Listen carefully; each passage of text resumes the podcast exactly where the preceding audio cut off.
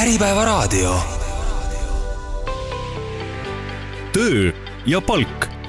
saate toob teieni Games Global. tere tulemast meie ajastusse. tere, head kuulajad! tänane saade Töö ja palk ei ole sugugi suviselt pehmem, nagu võiks oletada, vaid võtab hoopis vaatluse alla ühe vaata et karmima tahu tööelust üldse. me räägime täna vaimsest tervisest ja vaimse tervise teemade lahtiharutamiseks olen kutsunud endale külla peaasi.ee organisatsioonide vaimse tervise arenguprogrammi juhi Signe Sillasoo. tere, Signe! tere! Signe, meie sinuga oleme ju puha kolleegid, samamoodi nagu mina praegu, nii juhtisid ka sina ühte Äripäeva teemaveebidest idufirmade keskkonda FoundMe. kuidas nii juhtus, et sa äri ja, ja suurte rahade juurest hoopis peaasjadeni jõudsid? jaa, tõsi see on, oleme kolleegid ja noh, minu Äh, meediatöö äh, staaži on äh, julgelt üle viieteistkümne aasta. aga jah, selles mõttes ega see vaimse tervise teemade juurde jõudmine, peaasi juurde jõudmine, noh, lugu on hulga kaugemalt, hakkab ikkagi pihta, et, et olen iseenda tööelus mitu korda läbi põlenud. ja, ja kui sa nagu ikka ühte ämbrit kaks korda kolistad nagu mina, et siis tekivad ka need küsimused, et, et noh, mida teisiti peaks tegema, et kus, kus ma nüüd jälle nagu mööda olen pannud. ja see on viinud mind nagu viis selleni, et ma hakkasin nagu õppima ja uurima seda, õppisin joogat, õppisin meditatsiooni, selliseid teadveloleku praktikaid, tööriistu, kuidas ennast aidata, mis, noh, et kuidas tööelus hoida seda, neid piire, hoida ennast mõnusalt tasakaalus ja saada selle kõigega hakkama, mis päev siis toob mul on tegelikult väga hea meel, et sa oled nüüd seal, kuhu sa tegelikult näidki kuuluvat ja tegeled asjadega, mis su südant rõõmustavad, aga vaimsest tervisest rääkides, palun selgita, mida see mõiste vaimne tervis endast täpselt kujutab, mis, mis kõik selle alla käib? Mm? -hmm maailma Terviseorganisatsioon äh, kirjeldab vaimset tervist kui heaoluseisundit, äh, kus me siis äh, realiseerime oma potentsiaali, äh, tuleme nagu igapäevapingetega toime, saame hakkama oma tööülesannetega, suudame panustada ühiskonda. selles mõttes vaimne tervis ongi noh, nii nagu meil on füüsiline tervis kõigil, nii meil kõigil on vaimne tervis ja vaimse tervise kaks sellist tahku ongi, noh, ta on heaoluseisund, aga see nii-öelda see teine ots võib siis olla see, kus meil on nagu mingid vaimse tervise mured ja probleemid, et äh, näiteks sa tõid selle või noh, ma ise rääkisin läbipõlemisest, on ju, et see vaimse tervise teema töökeskkonnas on näiteks üks, kus, kus tekivad need murekohad. aga mida sinu kogemus näitab, kuivõrd üldse ettevõtetes täna töötajate vaimse tervisega tegeletakse ja mis need tavapärasemad sammud on, mida selleks ette võetakse mm,? tegeletakse äh, ja selles mõttes on hästi tore ja rõõm nagu näha, et viimased paar aastat on nagu soodustanud seda, et vaimse tervise peale mõeldakse rohkem, sellega tegeletakse rohkem ja mida see tähendab ettevõtete kontekstis, see tähendab seda, et et tehakse koolitusi, räägitakse, vaadatakse natuke ka töökultuuri sisse, analüüsitakse, et mis see tänane seis üldse nagu organisatsioonis on.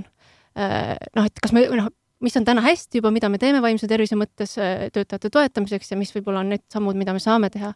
paljud ettevõtted koolitavad välja vaimse tervise esmaabi andjaid organisatsioonides. et selles mõttes äh, tehakse, aga võib-olla millest natuke puudu jääb ja see on siis nüüd minu see äh, poole aasta kogemus Peaasjis, ähm, kus ma olen siis, äh, tõmbame käima koos kolleegidega sellist asja nagu arenguprogramm, on süsteemsus ehk et organisatsioonid võib-olla ei tee seda kõike veel väga süsteemselt. Et meie mõte just ongi, et natuke vaadata sellesse süsteemsusesse, et see ei oleks ainult üks koolitus, kus ma ei tea, töötajad kollektiivist käivad korra aastas või paar korda aastas, vaid et see oleks selline süsteemne lähenemine, organisatsioonid mõtleksid erinevad sammud läbi ja siis ka viiksid need ellu, et see töökeskkond saaks minna mõnusamaks, hubasemaks, töötajad ei põleks läbi, oleks vähem stressi. Jah, et üks asi on, on kindlasti ka ette antud programmid, teine asi on, on õppida või harjuma märkama töökeskkonnas selliseid märke ja tähele panema kohti, kus, kus võib-olla keegi kõnnib õrnal jääl ja kus teda on vaja toetada, et et tegelikult ilmselt ei, ei ole praegu veel ei, ei tööandjad ega ka me ise kolleegidena õppinud märkama ja tähele panema piisavalt, et kui, kui keegi on, on ohtlikus mm -hmm. olukorras. jah, noh, ma olen hästi nõus sinuga, et mulle tundub, et see teadlikkus äh, alles kasvab Äh, aga samas on, on juba on hästi palju tehtud neid samme, et, et, et nagu õppida märkama, panna tähele, esiteks me räägime sellest täna, mis see stress on, mis see vaimne tervis on, et me õpiks märkama seda, et kui meil endal on kõigepealt stress ja seda, kui töökeskkonnas mõnel kolleegil see on ja kuidas me saame siis üksteist toetada ja hoida, et kuule, aga vaimse tervise kohta on ju liikvel ka hulgaliselt müüte, saad sa mõningad neist välja tuua ja selgitada, kuidas, kuidas see müüt on võinud tekkida ja, ja kuidas asjad tegelikult on? võib-olla sellised esmased müüdid, mis mul kohe nagu pähe tulevad, üks on see, et vaimne tervis ei puuduta mind või noh, meid töökollektiivis või meie töökollektiivis seda pole. aga noh, nii nagu me ennem ka saate alguses ütlesime, et siis vaimne tervis tegelikult on meil kõigil, see puudutab meist igaühte ehm,. siis tihti tuuakse ka see, et, et noh, võib-olla vaimne tervis on niisugune nõrkuse märk, üks müütidest näiteks. et kui mul see vaimse tervise mure on, et see on justkui nagu mõrk, nõrkus või töötaja äkki ei saa hakkama millegagi, aga samas ma mõtlen, kui me võrdleme nagu füüsilise tervisega, siis meil kuidagi ei teki seda paralleeli, et kui keegi on haige gripiga kodus, et siis ta justkui ei saaks hakkama või noh, tal lihtsalt on täna nagu halb olla. see on nagu, sellele murele tuleb tähelepanu juhtida, aga see ei ole nagu selles mõttes nagu tabu Äh, või mis veel on? Äh, noh, just seesama nõrkuse koht ja siis võib-olla, et äh, ei suudeta oma nagu ülesannetega hakkama saada, see on tihti see, millele nagu viidatakse ja noh, eks ta on olnud nagu hästi pikalt selline tabuteema, et me ei taha, ei ole tahtnud sellest rääkida või siis olemegi kuidagi pannud natuke silte ja stigmatiseerinud seda kõike, et ma arvan, et seal on ühtpidi nagu kultuuriline taust teistpidi teadmatus, mis täna alles kasvab, et me räägime sellest, et vaimne tervis on, sest et noh, kui ma olen enda vanematega näiteks rääkinud, siis ega noh, nad tõdevad seda, et nende, nende nooruspõlves või noh, aastakümneid tagasi sellist sõnapaari nagu vaimne tervis ei kasutatudki, on ju. et on selles mõttes noh, täna äh, lihtsalt rohkem tulnud fookusesse, kuna need mured on teravamalt esil ja need on rohkematel inimestel aga, aga ütleme, see väide, et see vaimne tervis või vaimse tervise teemad mind ei puuduta või meie organisatsiooni ei puuduta, kas see on pigem nagu, on ta tööandja vaatest niimoodi, et tööandja ütleb, et meil selliseid asju ei ole, meil on kõik hästi, või, või on see hoopis töötajate poolt, et, et nad isegi ei saa ise aru, et neil tegelikult on mingid probleemid, arvavad mm, -hmm. et meil ongi kõik hästi? ma arvan, et see on mõlemat pidi, sest et noh, tööandja ju tegelikult, tööandja taga on ju ka inimesed ja töötajad on ka inimesed, me kõik oleme inimesed, et see on pigem nagu selle mõtteviisi küsimus eh, ja natuke ka selle teadlikkuse küsimus. Eh, just ongi see, et kui palju me nagu tahame iseennast kurssi võib-olla viia kõigepealt selle teemaga ja kui palju me nagu oleme valmis seda diskussiooni avama ka näiteks töökeskkonnas, rääkima töötajatega sellel teemal, et kuidas sul läheb, kas noh, et mis need stressi nagu näitajad meil töökeskkonnas on. me näiteks Peaasjis äh, Äh, viisime märtsis läbi sellise emotsionaalse enesetunde küsitluse, äh, circa kakssada organisatsiooni vastas äh, sellele küsitlusele ja see põhimõtteliselt kaardistab siis seda, et milline on töötajate või noh, näitajad siis ärevuse, depressiooni, uneraskuste probleemide ja siis vaimse kurnatuse nagu näol. ja noh, selles mõttes hästi tore oli näha, et neid ettevõtteid on, kes on valmis nagu kaasa tulema sellise teemaga ja circa kaheksa tuhat seitsesada äh, minu meelest inimest vastas sellele ja noh, sealt koorub välja, et tegelikult neid muresid on ja noh, ma täpset äh, statistikat võib-olla praegu peast ei mäleta, aga circa üheksakümmend, nelikümmend kuus vist oli see protsent äh,, äh mis, mis tuli siis välja, et töötajatel on nendes ettevõtetes vaimse tervise kurnatus. nii et selles mõttes seda tegelikult on, me võib-olla lihtsalt ei oska veel märgata, ei taha märgata, ei taha veel võib-olla rääkida, aga hästi tore on, et me täna jälle räägime sellest siin, et, et see teadlikkus kasvab. just, selleks me, selleks me siin täna oleme aga vaimse tervise teemad tõusid äh, aastakümneid tagasi esile ilmselt sellise koondnimetusega nagu stress, et kõik algas stressist, nii palju kui mina mäletan. siis tekkis meie teadvusesse depressioon, äh, veidi aega hiljem läbipõlemine, aga mida see stress endast õigupoolest äh, kujutab ja kuidas see võib mõjutada ettevõtte või organisatsiooni tulemusi mm? -hmm. no stress on tegelikult hästi lihtsustatult ju noh, me, kui me räägime, ühesõnaga stress on meil kõigil ja stress on see jõud, mis paneb meid liikuma. Äh, on nii-öelda head ja halba stressi mõlemat. Äh, kui me enamasti stressist räägime, siis me tihti viitame sellele nii-öelda halvale stressile, et ja ilmselt selles töökeskkonnas see, sinu küsimus on ka selle toksilise stressi kohta nii-öelda, mis kuhjub ja, ja ei aita kuidagi edasi, et ja see stress ongi see reaktsioon muutustele, et kuidas me nagu nende kiirete muutustega hakkas, hakkama saame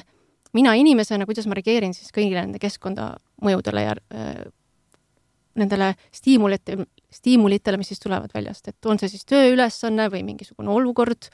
ma ei tea, võtame kas või see sõda eelmine aasta, mis hakkas, või koroona, et need on kõik väga stressirohked olukorrad olnud. et see on see on siis see stress väga üldistatult, on ju et selline, selline pinge, et ükskõik Just. siis on ta, on ta positiivne või negatiivne, aga miski, mis paneb meid kuidagi liikuma ja tegutsema. nii, aga, aga mida võiks tähele panna, mis on need negatiivse stressi tunnused, mis võiks aimu anda, et asjad hakkavad halvasti minema ja nüüd tuleks tegutsema hakata? ja ma korra võin veel, vastan su sellele eelmisele küsimuse poolele, see oli see, et mm -hmm. kuidas need stress mõjutab siis ettevõtte tulemusi. Äh, vastame sellele ka, see on hea küsimus. et äh, noh, kui me räägime sellest tööstressist, see on sellest kuhjuvast äh, stressist, kus inimene võib-olla ei ole nagu oma parimas vormis, kus tekivad need, ma ei tea, kehapinged, tekib äh, võib-olla mingisugune emotsionaalne, emotsionaalsed pinged, et siis noh, tegelikult inimese töövõime ju väheneb. ja, ja kokkuvõttes, mida see tähendab, see tähendab väga suurt aja ja töökulu ka tööandjale. et äh, Maailma Terviseorganisatsioon äh,, leidsin sellised huvitavad numbrid, on kokku löönud selle, et äh, aastas läheb meil maailmas vaimse tervise mured, mis on siis näiteks ärevushäire, depressioon äh,, selle tõttu kaduma kaksteist miljardit tööpäeva, mis tähendab äh, rahanumbritesse pannes üheksasada kakskümmend miljardit eurot mida me kaotame iga aasta vaimse tervise murede ja liigse stressi, ärevuse, depressiooni tõttu, et selles mõttes tel, tal on väga suur hind äh, tööandjale, nii et äh, iga tööandja ise, ma arvan, saab need enda kulud kokku lüüa, vaadates enda töötajatele otsa, et mis seis seal organisatsioonis on. ja need on ikka väga kõnekad numbrid, aga, aga nüüd siis need ja. märksõnad, millest, mis meile vihjeid annavad? mis meile annavad vihjeid mm, -hmm. et on liiga palju stressi. noh, esmased vihjed on mida ma arvan, me kõik oleme kogenud, kui meil on mingisugused sellised äh, suuremad stressirohkemad hetked, on äh, võib-olla unehäired, me ei saa hästi magada, äh, tihti tekivad kehas mingisugused aistingud, ma ei tea, mõnel võib-olla süda puperdab või on kuskil valud rinnus, enamasti on see seotud ka sellega, et me ei saa väga hästi hingata, vähemalt sügavalt hingata. emotsionaalsed oleme tihti, mõned, noh, mõned tõmbavad endasse võib-olla, mõned vastupidi, on võib-olla sellised üliärrituvad reageerivad üle, nii-öelda see süü-, süütenöör on hästi lühike. et selles mõttes neid, äh, need stressisümptomid on igaühel erinevad, aga nad on kindlasti olemas, et selles mõttes, kui me tunneme inimest äh, sellise, noh, kui ta on rahulik ja me teame, kuidas ta umbes käitub, siis tegelikult see võrdlusmoment sellega, kuidas stressis on, on väga nagu tajutav, et ta ikkagi hakkab natuke teistmoodi käituma või noh, muutub pingeliseks, ärevaks, võib-olla ei suuda keskenduda, reageerida, olla kohal. et need on kõik need need märgid, mis nagu viitavad sellele aga ma, ma küsin niimoodi, et, et tegelikult on hästi palju segadust ikkagi nende mõistete vahel, et ma, ma täitsa küsin kohe nii, et mis, mis vahe on üldse stressil ja depressioonil või kui pikk maa on äh, stressist äh, läbipõlemiseni. küsin selleks, et kuulaja jaoks saaks ka asi mm -hmm. lihtsalt selgitatud. jaa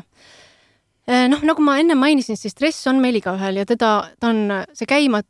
tõmbav jõud Äh, aga jah, kui me räägime siin sellest negatiivsest, toksilisest, kuhjuvast stressist, on ju, ähm, siis see võib viia pikka aega väldates läbipõlemiseni. Äh, depressioon äh, on tegelikult haigus, et stress, stress on meil igaühel Äh, meil võib ka ärevus olla igalühel, aga depressioon ja ärevushäire, need on diagnoositud haigusseisundid. et selles mõttes seal on see nagu vahe ja äh, stress võib viia depressioonini, võib viia ka ärevushäireni, aga ei pruugi, et selles mõttes seal ei ole sellist äh, nagu ühte nagu, et see on kindlasti nii, et seal võib olla ka muid tegureid ja põhjuseid. et äh, aga jah, äh, neil on omavaheline seos et selles mõttes tasub seda stressi tähele panna, et, et see stress ei hakkaks tekitama ei vaimse ega ka füüsilise tervise muresid ja läbipõlemine võib olla nende mõlema tagajärg? absoluutselt, et äh, see stress ja läbipõlemine, et, äh, et noh, pikka aega väldav, vältav stress äh, võib viia läbipõlemiseni, jah. Nii, ja ma usun, et kindlasti on juhtunud, et me tegelikult märkamegi, et kolleeg ei ole enam päris tema ise, ta on kaotanud oma sära või on murelikum ja vaiksem kui varem või just nagu sa mainisid, ka ärritunum kui varem, kipub olema hajevil, asju unustama, ei tule oma tööülesannetega toime, ei pea tähtaegadest kinni saame aru, et midagi on valesti, aga, aga kuidas, kuidas see temaga teemaks võtta niimoodi delikaatselt, et kolleegi mitte, mitte ära hirmutada ja sundida teda võib-olla hoopis võib enesekaitsesse tõmbuma mm -hmm. või, või tegelikult selle nii-öelda torkimisega või valesti torkimisega me võime ju saavutada ka selle, et ta hakkab oma probleemi nagu veelgi paremini varjama mm. -hmm. et kuidas sellises olukorras kolleegina käituda mm? -hmm noh, nii nagu sa välja tõid, see võib olla nii, et ta hakkab seda varjama, aga mul tihti tundub, et see pigem on nagu see koht, kus, kus tekib tegelikult see kergenduse koht, et nii tore, kui keegi märkab. sest me tihti, noh, kuna see võib olla mingites töökeskkondades natuke tabuteema või selline stigmatiseeritud teema, eh, siis me võib-olla ise ei julge rääkida ja selles mõttes, kui keegi teine märkab ja tuleb, võtab selle teema jutuks, siis see võib olla suur kergendus ja leevendus. et äh, aga noh, kuidas minna kolleegi juurde, noh, ma arvan, ongi see, et et äh, seda saab hästi leebelt ja nagu sõbralikult teha, et, et mainidagi, et ma olen märganud, et sa võib-olla oled natuke noh, et su käitumine on muutunud või et äh, küsida, kas sul on mingid mured, mis sind vaevab. aga selleks mõttes ma arvan, kindlasti tasub leida selle jaoks selline privaatne koht, äh, piisavalt aega, et see ei käiks kuidagi lihtsalt kohvilauas korra üks küsimus ja siis lendad juba järgmise tööülesande juurde, vaid et, et sul oleks ka reaalselt aega kuulata ja, ja nagu toetada sel juhul ja noh, ma arvan, et kõige suurem asi, mida me saame teha ja mida tegelikult ka õpetatakse vaimse tervise esmaabi andjatele, on kuulamine. et äh, me tihti tahame esimese hooga kohe kippuda nagu jooksma nõu andma. et, et mida, noh, et tee seda, teist ja kolmandat, aga, aga mõnikord on hoopis olulisem ära kuulata ja võib-olla inimene saab sealt ise mingisugused lahendused või sammud edasi ja mõnikord võib-olla tekib sealt noh, mingisugune suurem teema hargneb välja, et et see kuulamise koht, ma arvan, on see, mida, mille jaoks nagu tasub hästi teadlikult aega võtta, kui on see soov minna kolleegi aitama või noh, kuulata ära, mis on tema mure või kuidagi ühiselt sellest äh, välja tulla. Kahtlemata ma usun, et võib, võib olla valmis ka selleks, et see, see vastus, mis sealt, mis sealt tuleb, Äh, ei pruugi olla selline, mis sulle meeldib, et võib-olla see vastus on ka negatiivne, aga et sellisel juhul lihtsalt mitte üle dramatiseerida, mitte võtta seda isiklikult, vaid, vaid noh, püüdagi mõista, et inimene on tõesti nagu kehvas olukorras. kas mina Just. üldse kolleegina peaksin minema siis teist oma, oma töökaaslast nagu torkima, uurima mm -hmm. või, või, või pigem oleks minu ülesanne anda, anda juhile vihje, et, et kuule, et mulle tundub, et temaga midagi valesti, et kelle, kelle ülesanne see sekkumine tegelikult rohkem on? ma arvan, et see on jälle noh, sõltub sellest, kuidas organisatsioonis on nagu on ju üles ehitatud, et kui organisatsioonis on vaimse tervise esmaabi andjad, siis on ma arvan, nemad võib-olla sellised teadlikumad inimesed, kes oskavad sel puhul ka käituda. aga samas, kui see on sinu lähedane kolleeg ja teil on väga usalduslik suhe, siis ma arvan, et see on väga okei okay,, kui sa ise teed selle sammu ja küsid. ja, ja tõesti, nagu sa välja tõid äh,, ei tasu nagu kuidagi väga isiklikult võtta, kui tuleb ka see koht, et ma tõesti ei soovi sellest rääkida, siis sa saad ju alati märku anda, et aga, aga kui sul on see koht või sa tahad jagada, siis ma olen olemas, anna, anna märku. et, äh, et selles mõttes noh ma arvan, et jah, et see pigem on nagu, kui tööandja, sul oli see küsimus, kuidas tööandja nagu peaks reageerima, et siis äh, kui tööand-, kui töökeskkonnas on see läbi mõeldud, et äh, mida me sellistel puhkudel teeme või kuidas me suhtleme, et äh, siis on võib-olla tõesti see koht, kus võib ka tööandjale nagu märku anda, aga nagu ma arvan, et me tegelikult meil kõigil, kui inimene on õppinud vaimse esma, vaimse tervise esmaabi andma äh,, siis tegelikult saab sellega hakkama igaüks, et, et see, see on äh, jah, jõukohane kõigile et tegelikult äh, reageerida võib igaüks, kes märkab. peaasi, et sa märkad, et sa annad seda, seda äh, sõnumit või sisendit, et äh, jah, tihtipeale ma usun, et ka inimene, kes ongi omadega raskes olukorras, ta võib-olla praegu, kui ma küsin su käest, sa ei tahagi vastata sellele mm, -hmm. aga sa võib-olla magad sellega ja, ja magad võib-olla kaks ööd selle Just. mõttega ja siis järsku tahad, eks ole, et, et hea on teada, et, et on olemas keegi, kes on valmis kuulama mm. -hmm. ja hästi nagu oluline seejuures on äh, märgata ka seda enda kohta, et, et, et ma ise oleksin selles mõttes heas kohas, kui ma lähen teisele abi pakkuma. et kui ma ise nagu olen natuke noh, võib-olla stressitase on liiga kõrge ja ma ise ei tunne ennast hästi või mõnusalt või see on natuke liiga palju minu jaoks, siis võib-olla ei ole ka see koht, kus äh, minna teist aitama, et, et kõigepealt ikka endale see hapnikumask pähe ja siis teistele, et et hästi oluline on ikkagi enda seda heaolu ka hoida seejuures aga kuidas äh, tööandja, kui nüüd tööandja on saanud sellise sisendi, et üks tema töötaja tundub olevat äh, murelik või tundub olevat äh, kuidagi keerulises olukorras, mis see tööandja tegema peaks selle peale, kuidas ta peaks reageerima hapras olukorras mm -hmm. töötajale siis või talle lähenema? Noh, ma jälle võtan kuidagi sammu tagasi, et see tegelikult on hästi paljuski selle töökultuuri osa, on ju, et kui me oleme töökeskkonnas äh, nagu kuidagi kokku leppinud, et me räägime sellel teemal, et see on okei okay,, siis ma arvan, et need ei, ei ole ka seda, võib-olla seda pingekohta, et nagu tuleb midagi hästi üllatusena, et keegi kuskil nagu on nüüd läbi põlenud. kui, kui see on selles mõttes selline avatud keskkond, aga kui seda keskkonda ei ole, äh, siis on jällegi seesama, et äh, noh, siis tahaks loota või tööandjad saavad koolitada ettevõttes välja need inimesed, kes oskavad seda esmaabi anda, oskavad läheneda, oskavad küsida neid küsimusi ja alati nagu noh, täna tööandjatel, kellel veel ei ole neid vaimse tervise esmaabi andjaid töökeskkonnas, pakutakse ju ka psühholoogi teenust, pakutakse coaching ut, supervisiooni spetsialistide nagu teenuseid, võimalust nende poole pöörduda. ma arvan, et siis on ka see koht, kus lihtsalt öelda, et me saa-, noh, rääkida hästi inimlikul tasandil, et me näeme, et on mure, et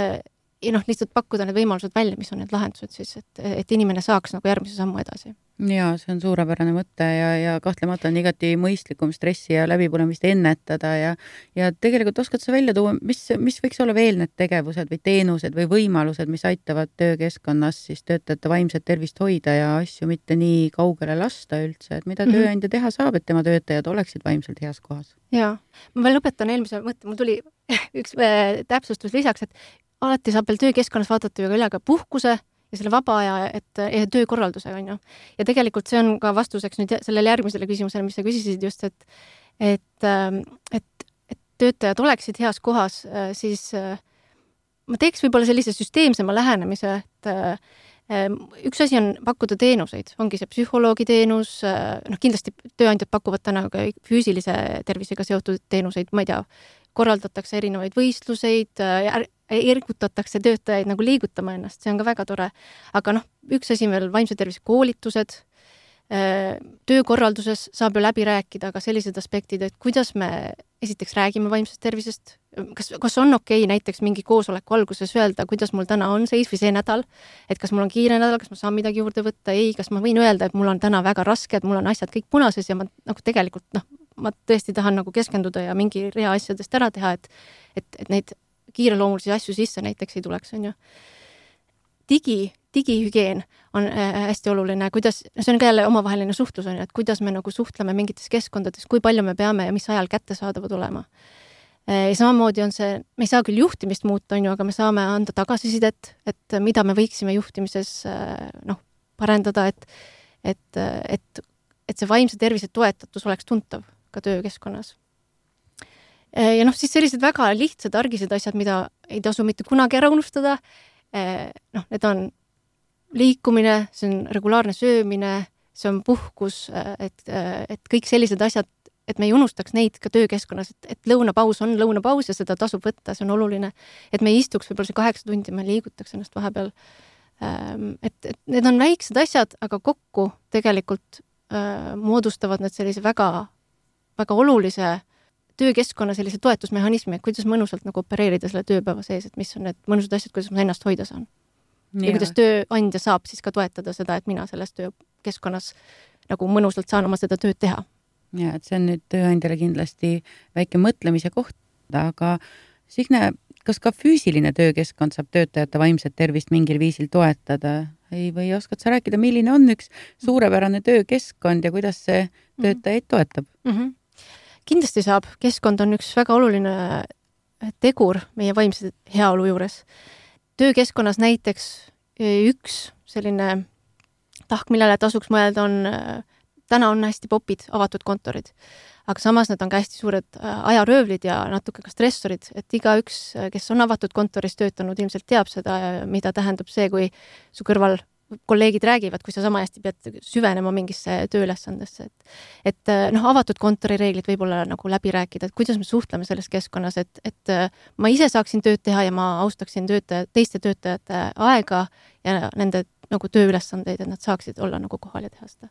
no siis kindlasti, noh, see müratase tegelikult lähebki sellega kokku, aga, aga see müratase on ka nagu väline, et et äh, noh, see on üks aspekt, mida nagu üle vaadata, siis kas meil on mingeid ruume, kus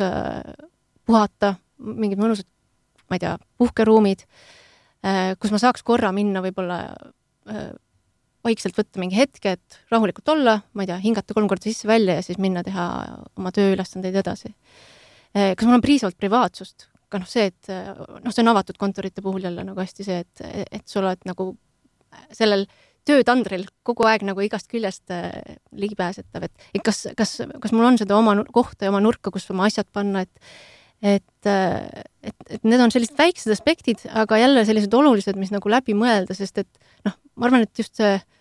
see tänane töö noh, see, see, me oleme hästi avatud, tahame olla, aga see avatus teatud mõttes võtab ka meilt energiat. et, et, et hoida seda energiat ikkagi, et kuidas me saame nagu selles töö, füüsilises töökeskkonnas nagu mõnusalt toimetada, nii et, et, et me austaksime kõiki, kõigi tööd ja kõigi nagu tööülesandeid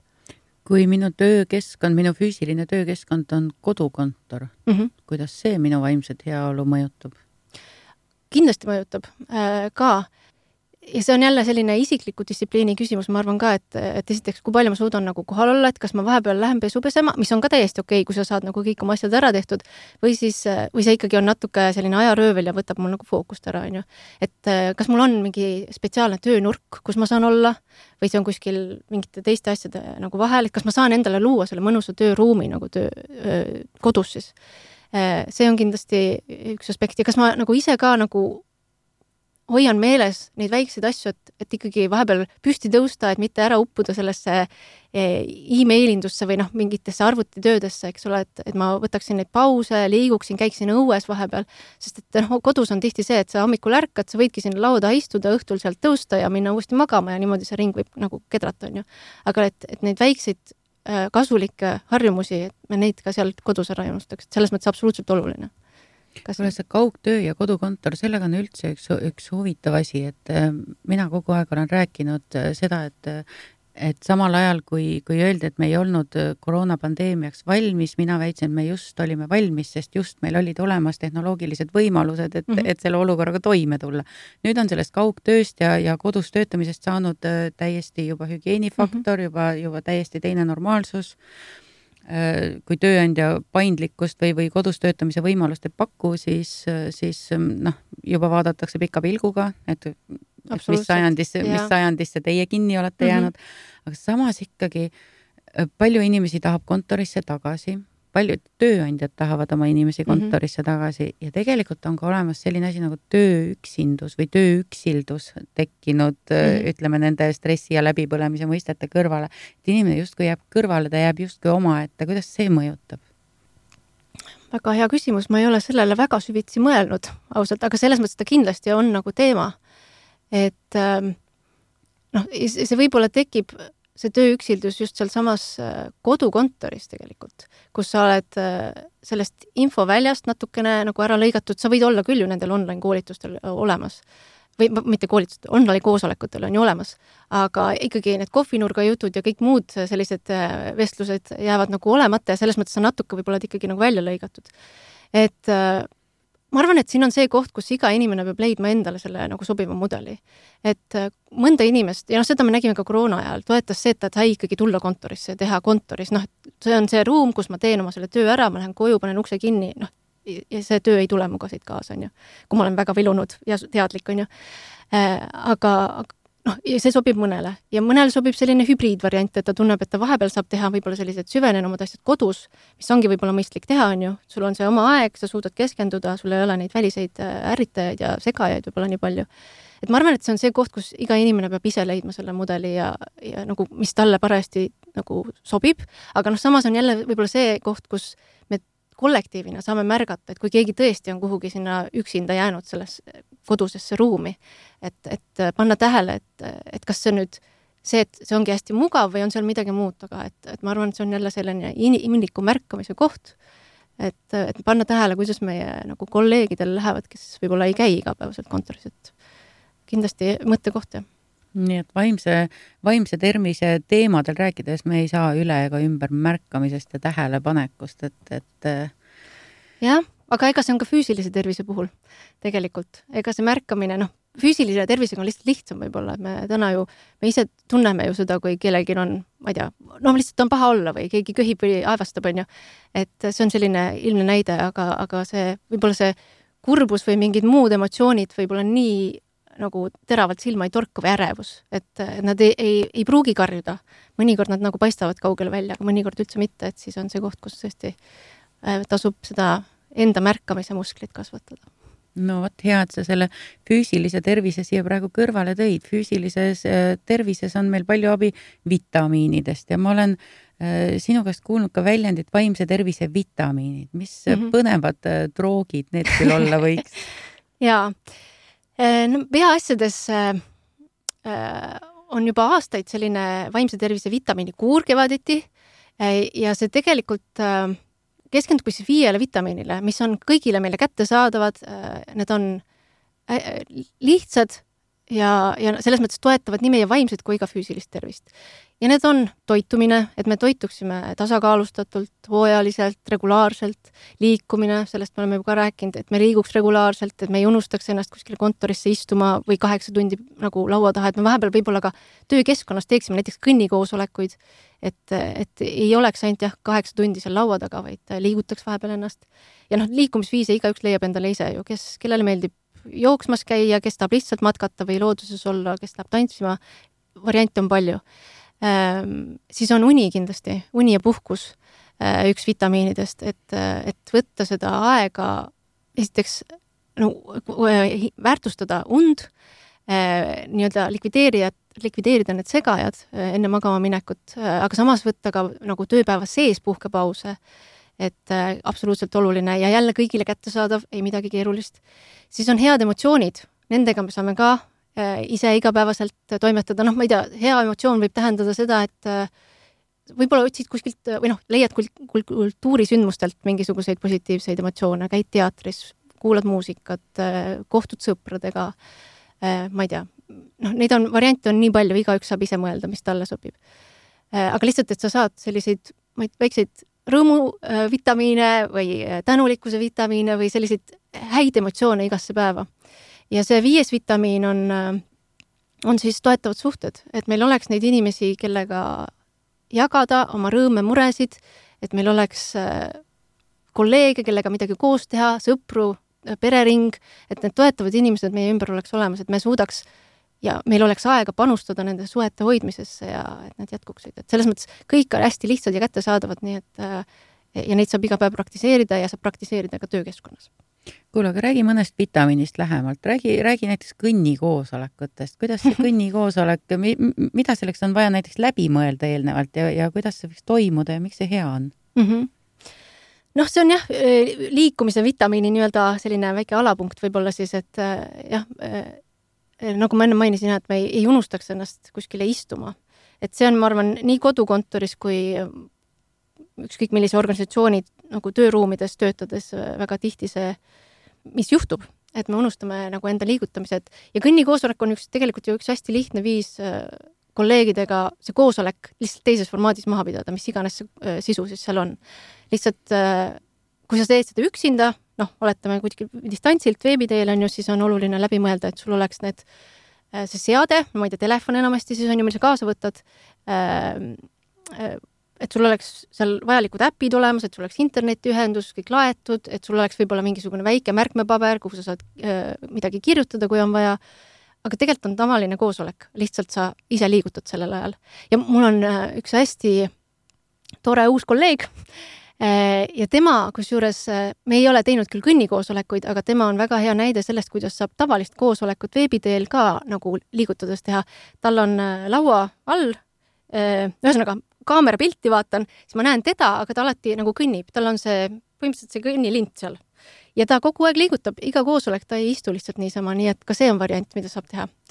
et sa saad oma arvutis kontoris arvuti taga need koosolekud maha pidada, aga ise samal ajal kõndida, nii et äh, ma arvan, nutikaid lahendusi leiab, kui neid tahta otsida, nii et et nad on kõik olemas. ja hiljuti kuulsin ka soovitust, et, et kui sul juhtub olema mõni selline koosolek, kus, kus sul ei ole otsest nagu läbiviija rolli, vaid, vaid äh, suurem osa sinu funktsioonist on seal kuulamine ja, ja võib-olla mõni sõna sekka öelda, et siis tegelikult äh,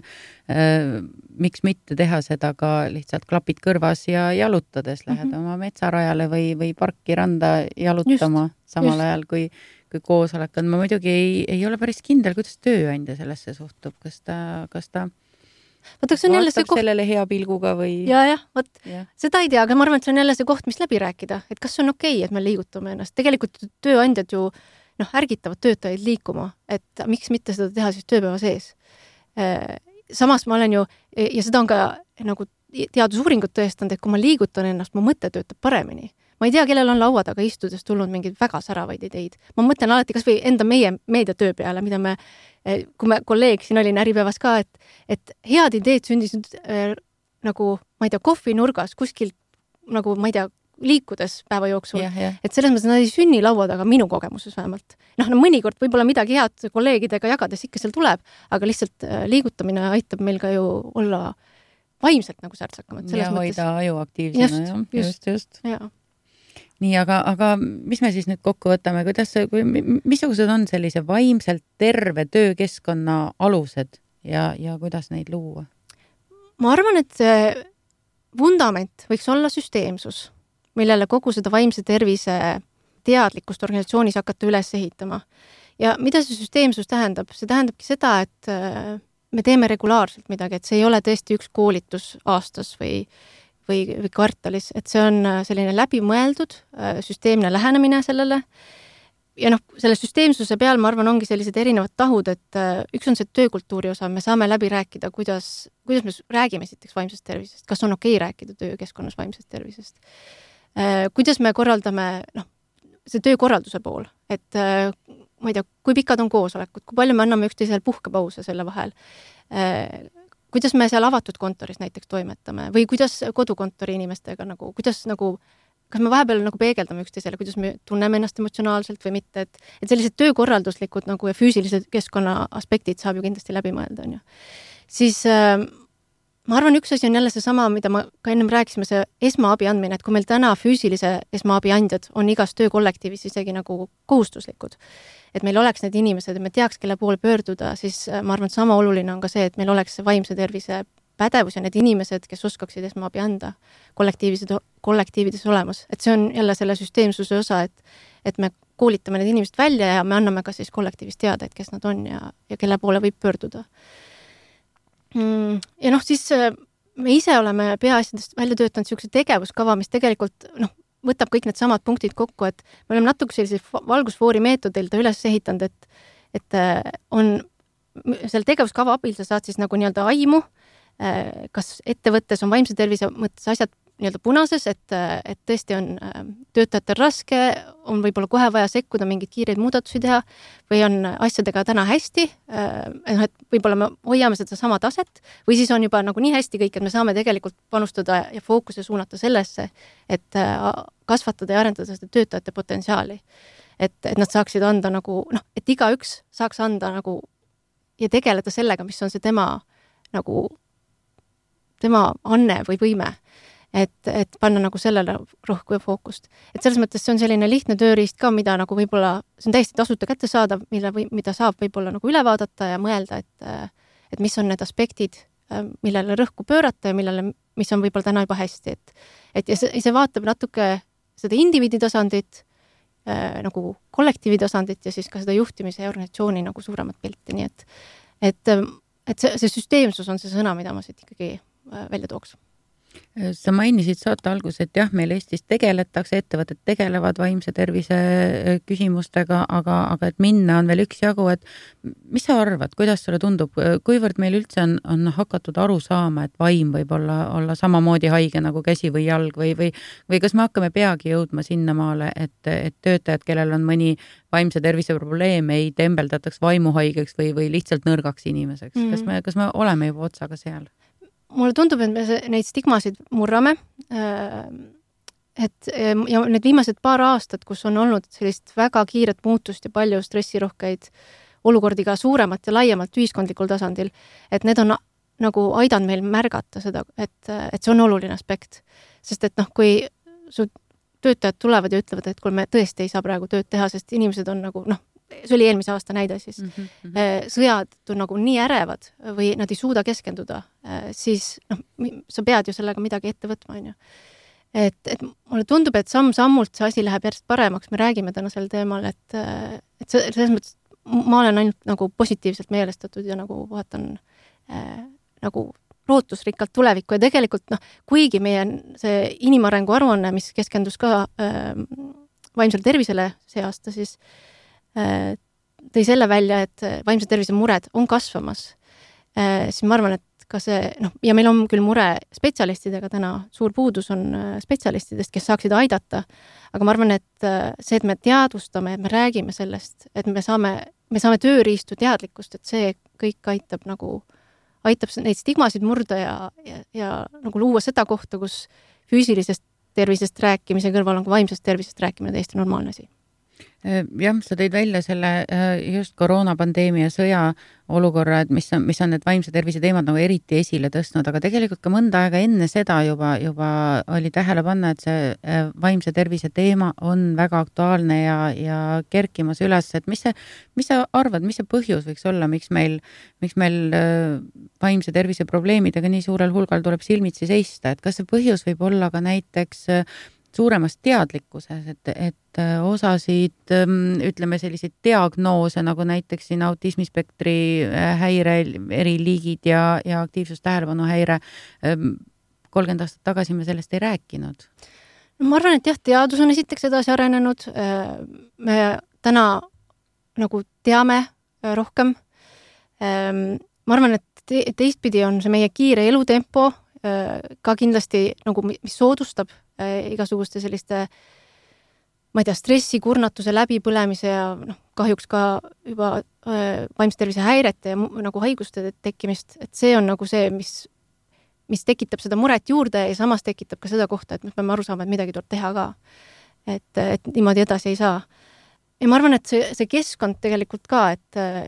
ja siin pean ma silmas nii meie füüsilist nagu töökeskkonda, kodukeskkonda kui ka laiemalt keskkonda, et et need on nagu ühe pusle väiksed tükid, äh, aga kokku tekib sellest suur pilt ja no ma arvan, et see kõik äh, on see, on see põhjus ja mõjutab seda kuule, aga ma küsin täitsa nii ka, et mida võiks tööandja silmas pidada, et ka näiteks ähm, Aspergeri sündroomiga või aktiivsuse tähelepanuhäirega inimene saaks tema juures edukalt karjääri teha, et see on ju selline ähm, tihtipeale rakendamata tööjõupotentsiaal, kellel on väga raske oma, oma eripäradega toime tulla ja tööelus hakkama saada, kuidas neid toetada? Jaa, äh, ma arvan, et äh, noh, kui hästi üldistatult see kokku võtta, siis ongi see, et äh, esiteks rääkida nendest nagu tööt-, tähendab töötajatega siis rääkida neil teemadel, et töötajad julgeksid öelda, et mul on selline vaimse tervise, ma ei tea, kas mingi mure praegu. Ja siis sealt, sealt nagu kasvab juba ka välja see, et me saame seda töökorraldust ju niimoodi ümber muuta, et, et need inimesed saaksid panustada, anda oma parima, aga, aga nad oleksid selles mõttes toetatud, et, et kui sul on ikkagi aktiivsus tähelepanuhäire, et võib-olla sa, anda sulle natukene nagu vähem ülesandeid mingi perioodi peale või, või või toetada seda tähtaegadega kuidagi, et, et selles mõttes kõik need väiksed detailid saab nagu läbi mõelda ja see tegelikult ju jälle laieneb ka füüsilisele tervisele, et kui on füüsilise tervise, ma ei tea, mingi puudega inimene, siis me loome ju ka talle nagu sobiva töökeskkonna, et et lihtsalt arvestada nende vajadustega ja sellest lähtuvalt teha ka neid muudatusi. kuule, lõpetuseks küsin sulle siit kolm kiiret ja kõige kriitilisemat ja vajalikumat soovitust või mõtet, mis sa, mis sa täna siit saatest tööandjale kaasa annad mm? -hmm. tegelege süsteemselt vaimse tervise teemadega, punkt üks, siis äh, alustage väikestest sammudest äh,, palju ei pea tegema, toon sellesama kõnnikoosoleku näite, kolmkümmend minutit päevas kõndides aasta peale kokku teeb, tegin selle arvutuse, sada kaheksakümmend kaks tundi. et selles mõttes iga päev kolmkümmend minutit ja aasta peale on see väga suur äh, tegelikult äh, liikumise äh, hulk. ja siis puhkus, et puhake, võtke aega lõdvestumiseks, et äh, jah, just aitäh sulle, Signe, nende heade soovituste ja mõtete eest ja ma tänan sind saatesse tulemast ja selline saigi tänane saade Töö ja palk. me rääkisime vaimsest tervisest, sellest, kui kerge on seda haavata ja kuidas toimida, et seda ei juhtuks. ja kõik tänased äh, teemad tulevad pikemalt käsitlemisele ka äh, peatselt personaliuudistes äh, avaldatavates artiklites